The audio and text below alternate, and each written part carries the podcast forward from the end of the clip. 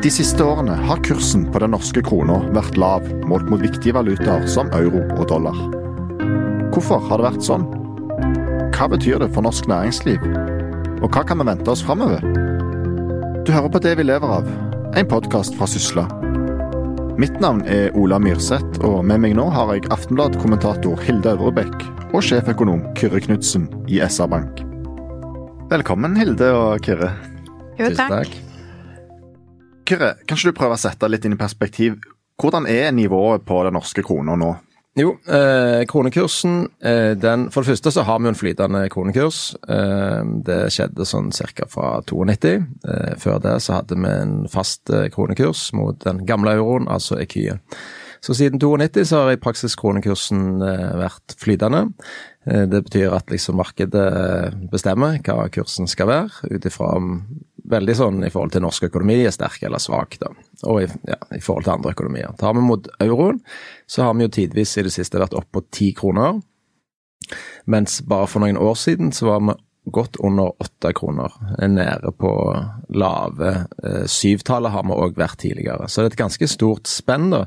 Hvis du tenker at du enten kjøper ting fra utlandet som du skal bruke i Norge, typisk eh, varer f.eks., vareimport, eller selger til utlandet så er det ganske store svingninger i krona. Har vært eh, ligget på den svake sida helt siden oljeprisen begynte å falle i 2014-2015. Og hvis vi ser på sånn historisk snitt over litt lengre tid, så er det typisk åtte kroner mot euroen. Og nå er vi altså på ikke helt på ti, men det er ikke så veldig langt unna. Så det er 20-25% svakere enn det som har vært et historisk snitt. Og så er det sånn, hvem er dette bra for? Jo, hvis du selger ting i utlandet og har kostnader i norske kroner, så selvfølgelig er det veldig bra.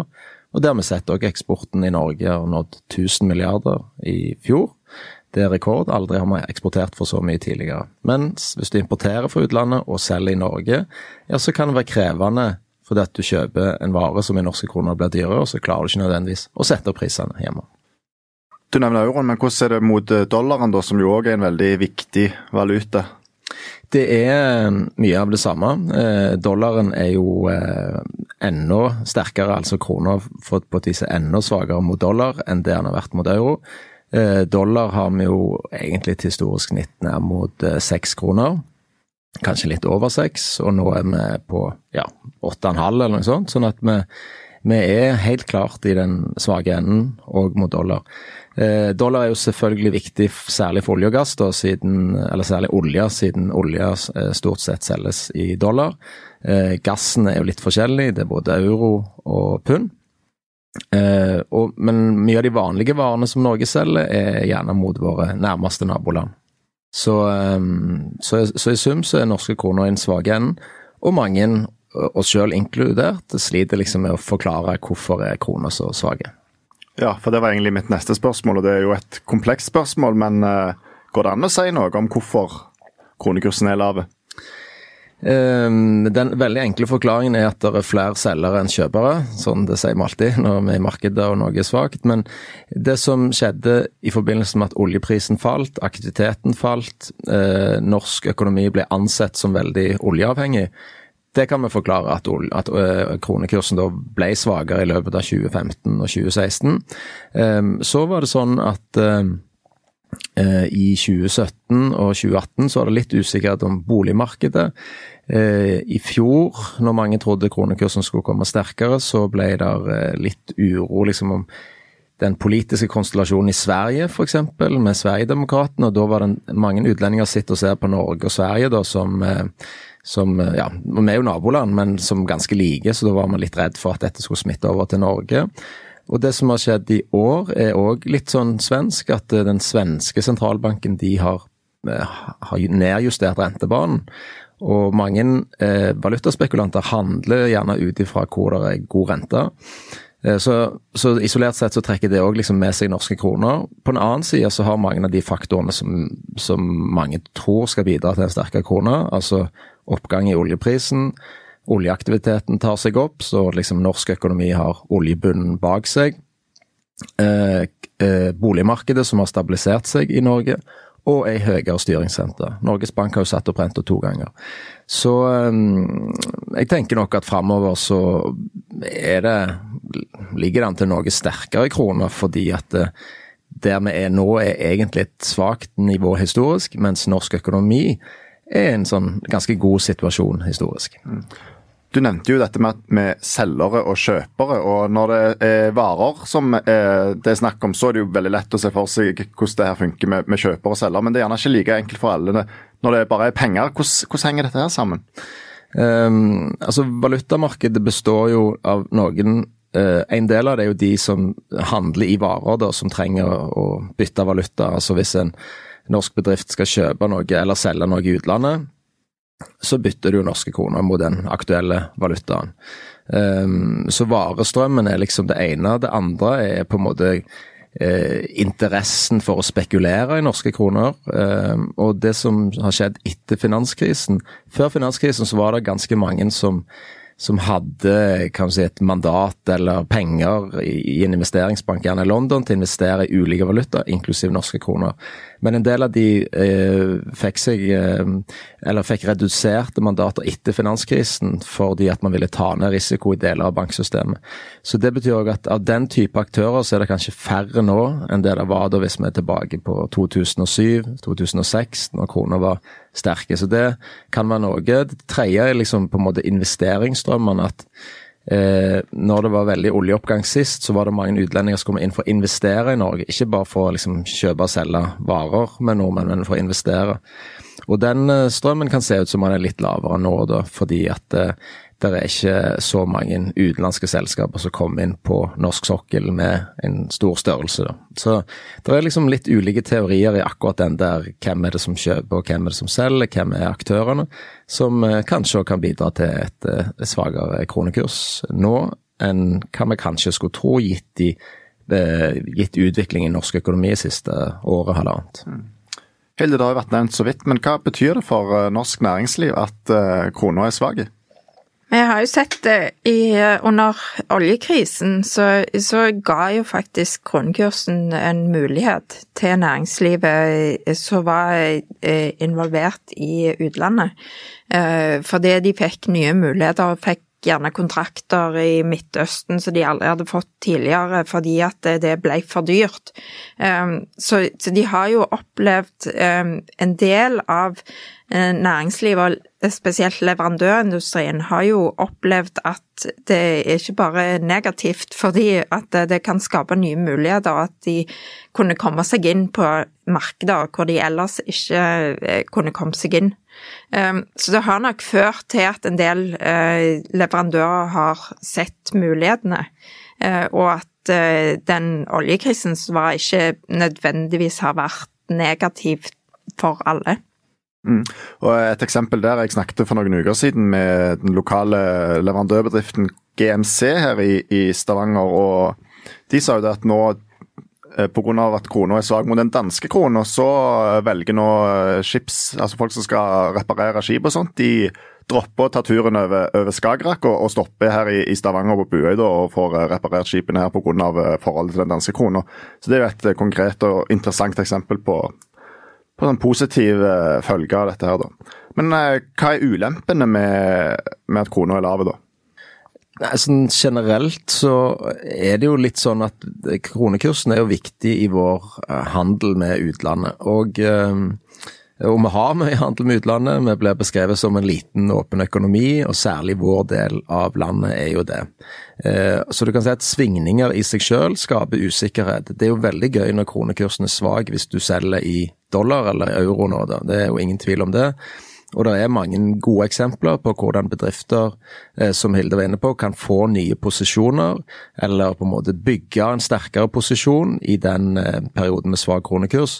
Og Vi skal også huske på at fordelen med at kronekursen er flytende, og gjerne svekker seg i de svake tidene, er at du får medvind når du trenger det. Så på et vis så er òg den flytende kronekursen en viss eh, sikkerhet sikring da, mot, en, mot, dårligere tider, hvis du setter det på, litt på spissen. Mens ulempen er at det svinger mye. Um, har ligget på den svake enden de siste årene, men det er klart at for de nå som har posisjonert seg ute, da, så eh, hvis kronekursen styrker seg igjen med 10 eller 20% så faller jo de inntektene i euro eller dollar med tilsvarende. Og da er jo ikke sikkert at den uh, utenlandske satsingen er like bra. Og så kan man jo bruke sånn uh, sikre kronekursen et år eller to eller tre framover, men det, det, er ganske dyrt hvis du skal sikre deg liksom de neste 10-20 årene. Sant? Sånn at det, det man ofte gjør, at man sikrer på kort sikt. Og så tror jeg at mange bedrifter er jo veldig klar over dette. De har en strategi på det når de satser. Um, men allikevel, svingningene vil òg gjøre at du liksom må ha litt ekstra buffer da, med det du gjør ute i forhold til det du gjør hjemme. Mm. Og så er det vel, eh, for oss som skal reise på ferie til euroland og sånt som privatpersoner, så er det vel òg negativt at eh, krona er lav? Ja, jeg regnet litt på det en gang, men men det, i totalen så slår det ikke så veldig mye ut. Hvis du skal Altså, det slår litt ut Eh, men det er ikke så store summer det dreier seg om når du reiser på ferie privat. Men eh, det blir jo selvfølgelig dyrere for oss eh, å betale for middager og kjøre, betale for bensin nedover hvis vi skal på biltur og sånn. Men jeg, men jeg, tror at det er ofte sånne eh, veldig store oppslag i eh, media. Eh, det er ofte litt overdrevet, for jeg kan ikke snakke om en tusenlapp eller noe for en familie på bilferie mm. til Europa.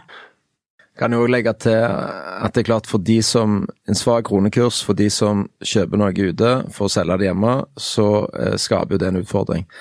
Og vi ser det sånn som på deler av varehandelen f.eks., altså de som typisk importerer importere ting inn til Norge og selge det i Norge. Det er vanskelig hvis du da har en 20 eh, svakere krone. Vil si altså at eh, den tingen du kjøper ute er 20% dyrere, og så skal du selge den i Norge. Så det er vanskelig å ta ut det fullt ut liksom mot forbrukerne. Så det, eh, det er et et område som jeg tror nok kjenner litt ekstra på den svake kronekursen. Eh, når det gjelder turister og sånt, så er det veldig interessant. altså Vi kan jo snu litt på det òg. Selvfølgelig, utlandet har blitt dyrere, for å sette på spissen, men Norge har jo blitt mye billigere.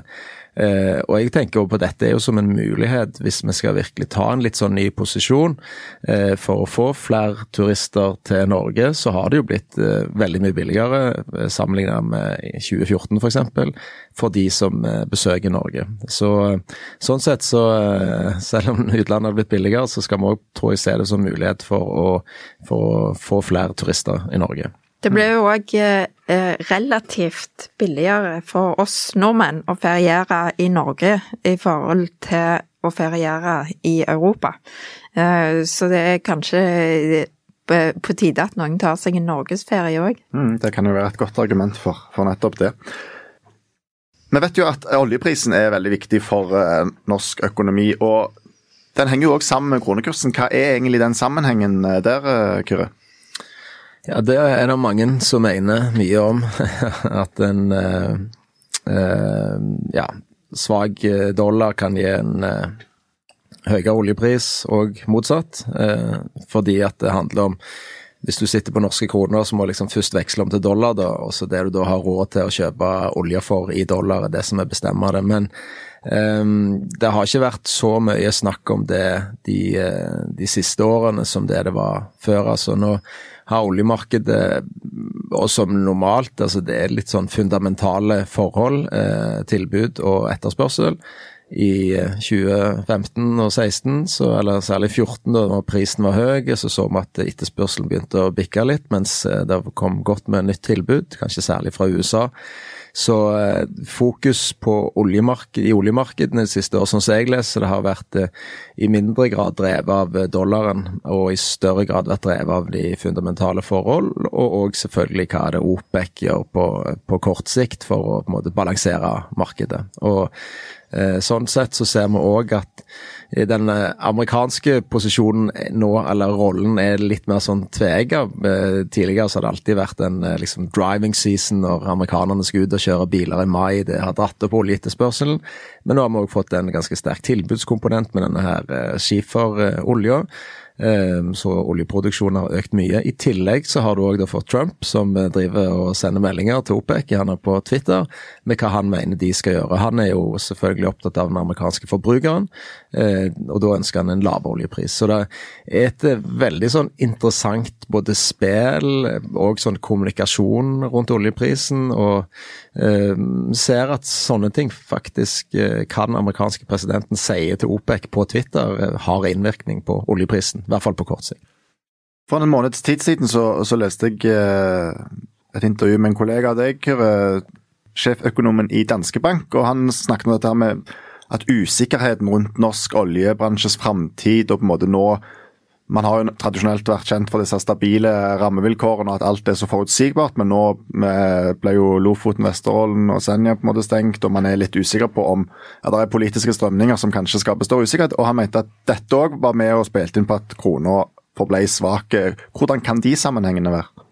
Eh, det er klart at er det færre utlendinger, og innenfor olje og gass så har det jo vært gjerne store utenlandske selskaper som har, eh, som har, investert i Norge, og med færre av de og en del av de som faktisk trekker seg ut. Så det er klart at det, det kan òg være med å påvirke kronekursen.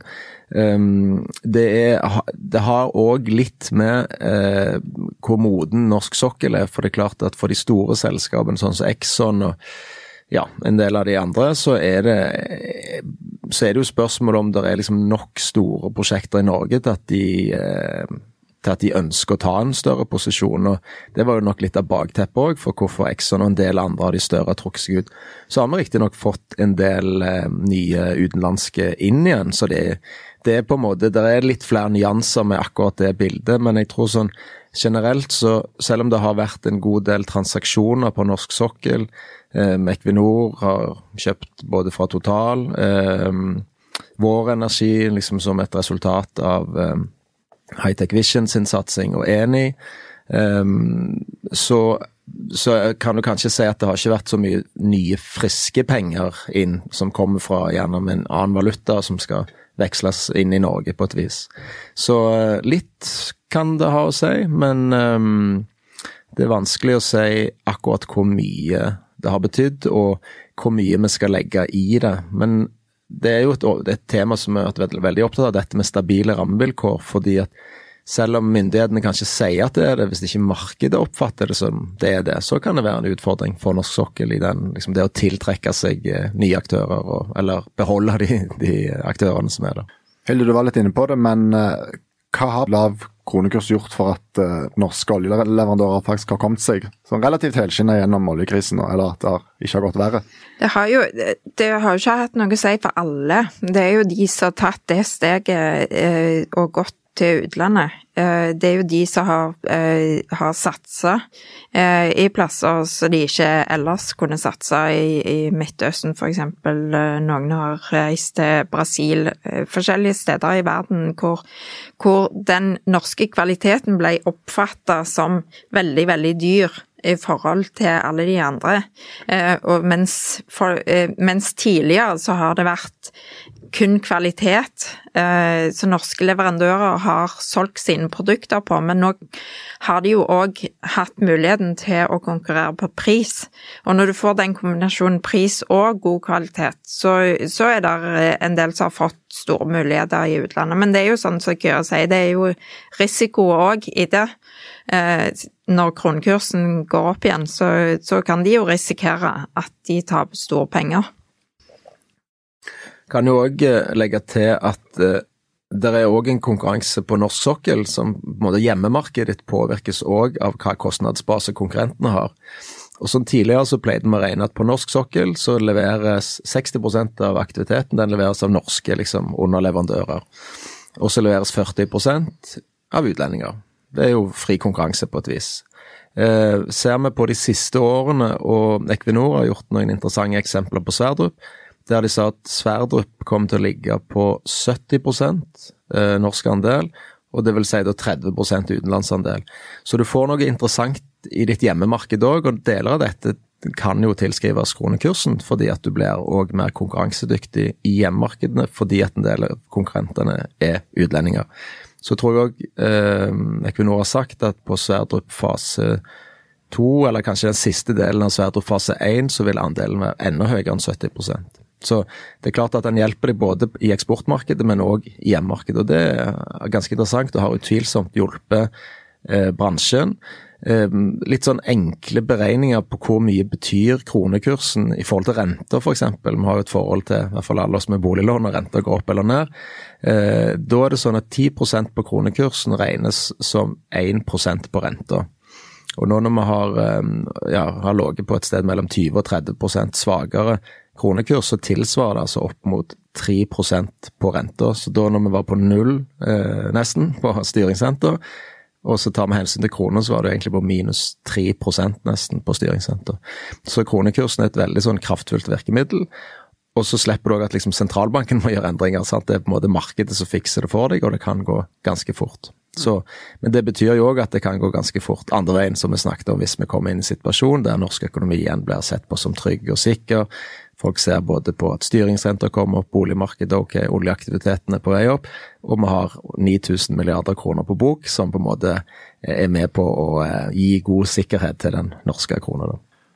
Til slutt, vi skjønner jo at dette er et uh, komplisert tema, og, og, det er mange faktorer som spiller inn. Men Kyrre, hva kan vi vente oss, tror du, av utviklingen for kronekursen framover?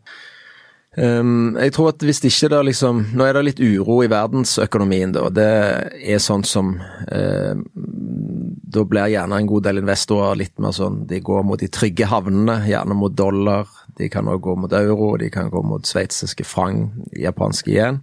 De store liksom verdensvalutaene og trekke seg gjerne litt ut av kroner.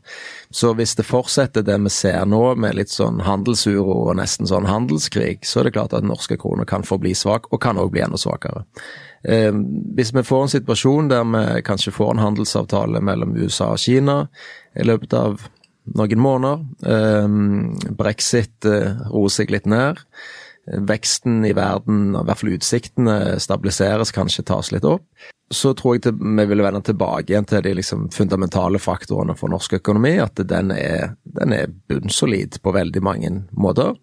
Eh, boligmarked i balanse, oljeprisaktivitet på vei opp. Så da tror jeg vi kan få en sterkere krone. Eh, og vi ligger sånn historisk sett veldig i den svake enden, altså. Så det skal vi òg være litt eh, klar over. Og jeg ser jo òg at det er mange som bruke de nivåene vi er på, de som gjerne da har eh, inntekter i andre valuta, og sikre liksom valutainntektene eh, i et år eller to eller tre, eller kanskje opp mot fem òg, eh, fordi at man ser man er på svake nivå. Så, sånn sett så er det litt sånn avhengig av hva scenario man tror på, og jeg heller kanskje at mot at hvis vi treffes her om et halvt år eller et års tid, at vi er på ei sterkere krone enn det vi er nå. Mm. Vi får gjøre det og ta opp tråden igjen ved en senere anledning. Tror vi gjør oss med det. Takk for at dere var med Kyrre og Hilde. Takk. Takk skal du ha. Vi kommer snart tilbake med en ny episode av Det vi lever av. I mellomtida tar vi gjerne imot innspill til temaer vi kan snakke om i podkasten. De kan du sende til podkast.sysla.no. Podkast med K. Produsent er Henrik Svanevik, og jeg heter Ola Myrseth. Takk for at du hørte på.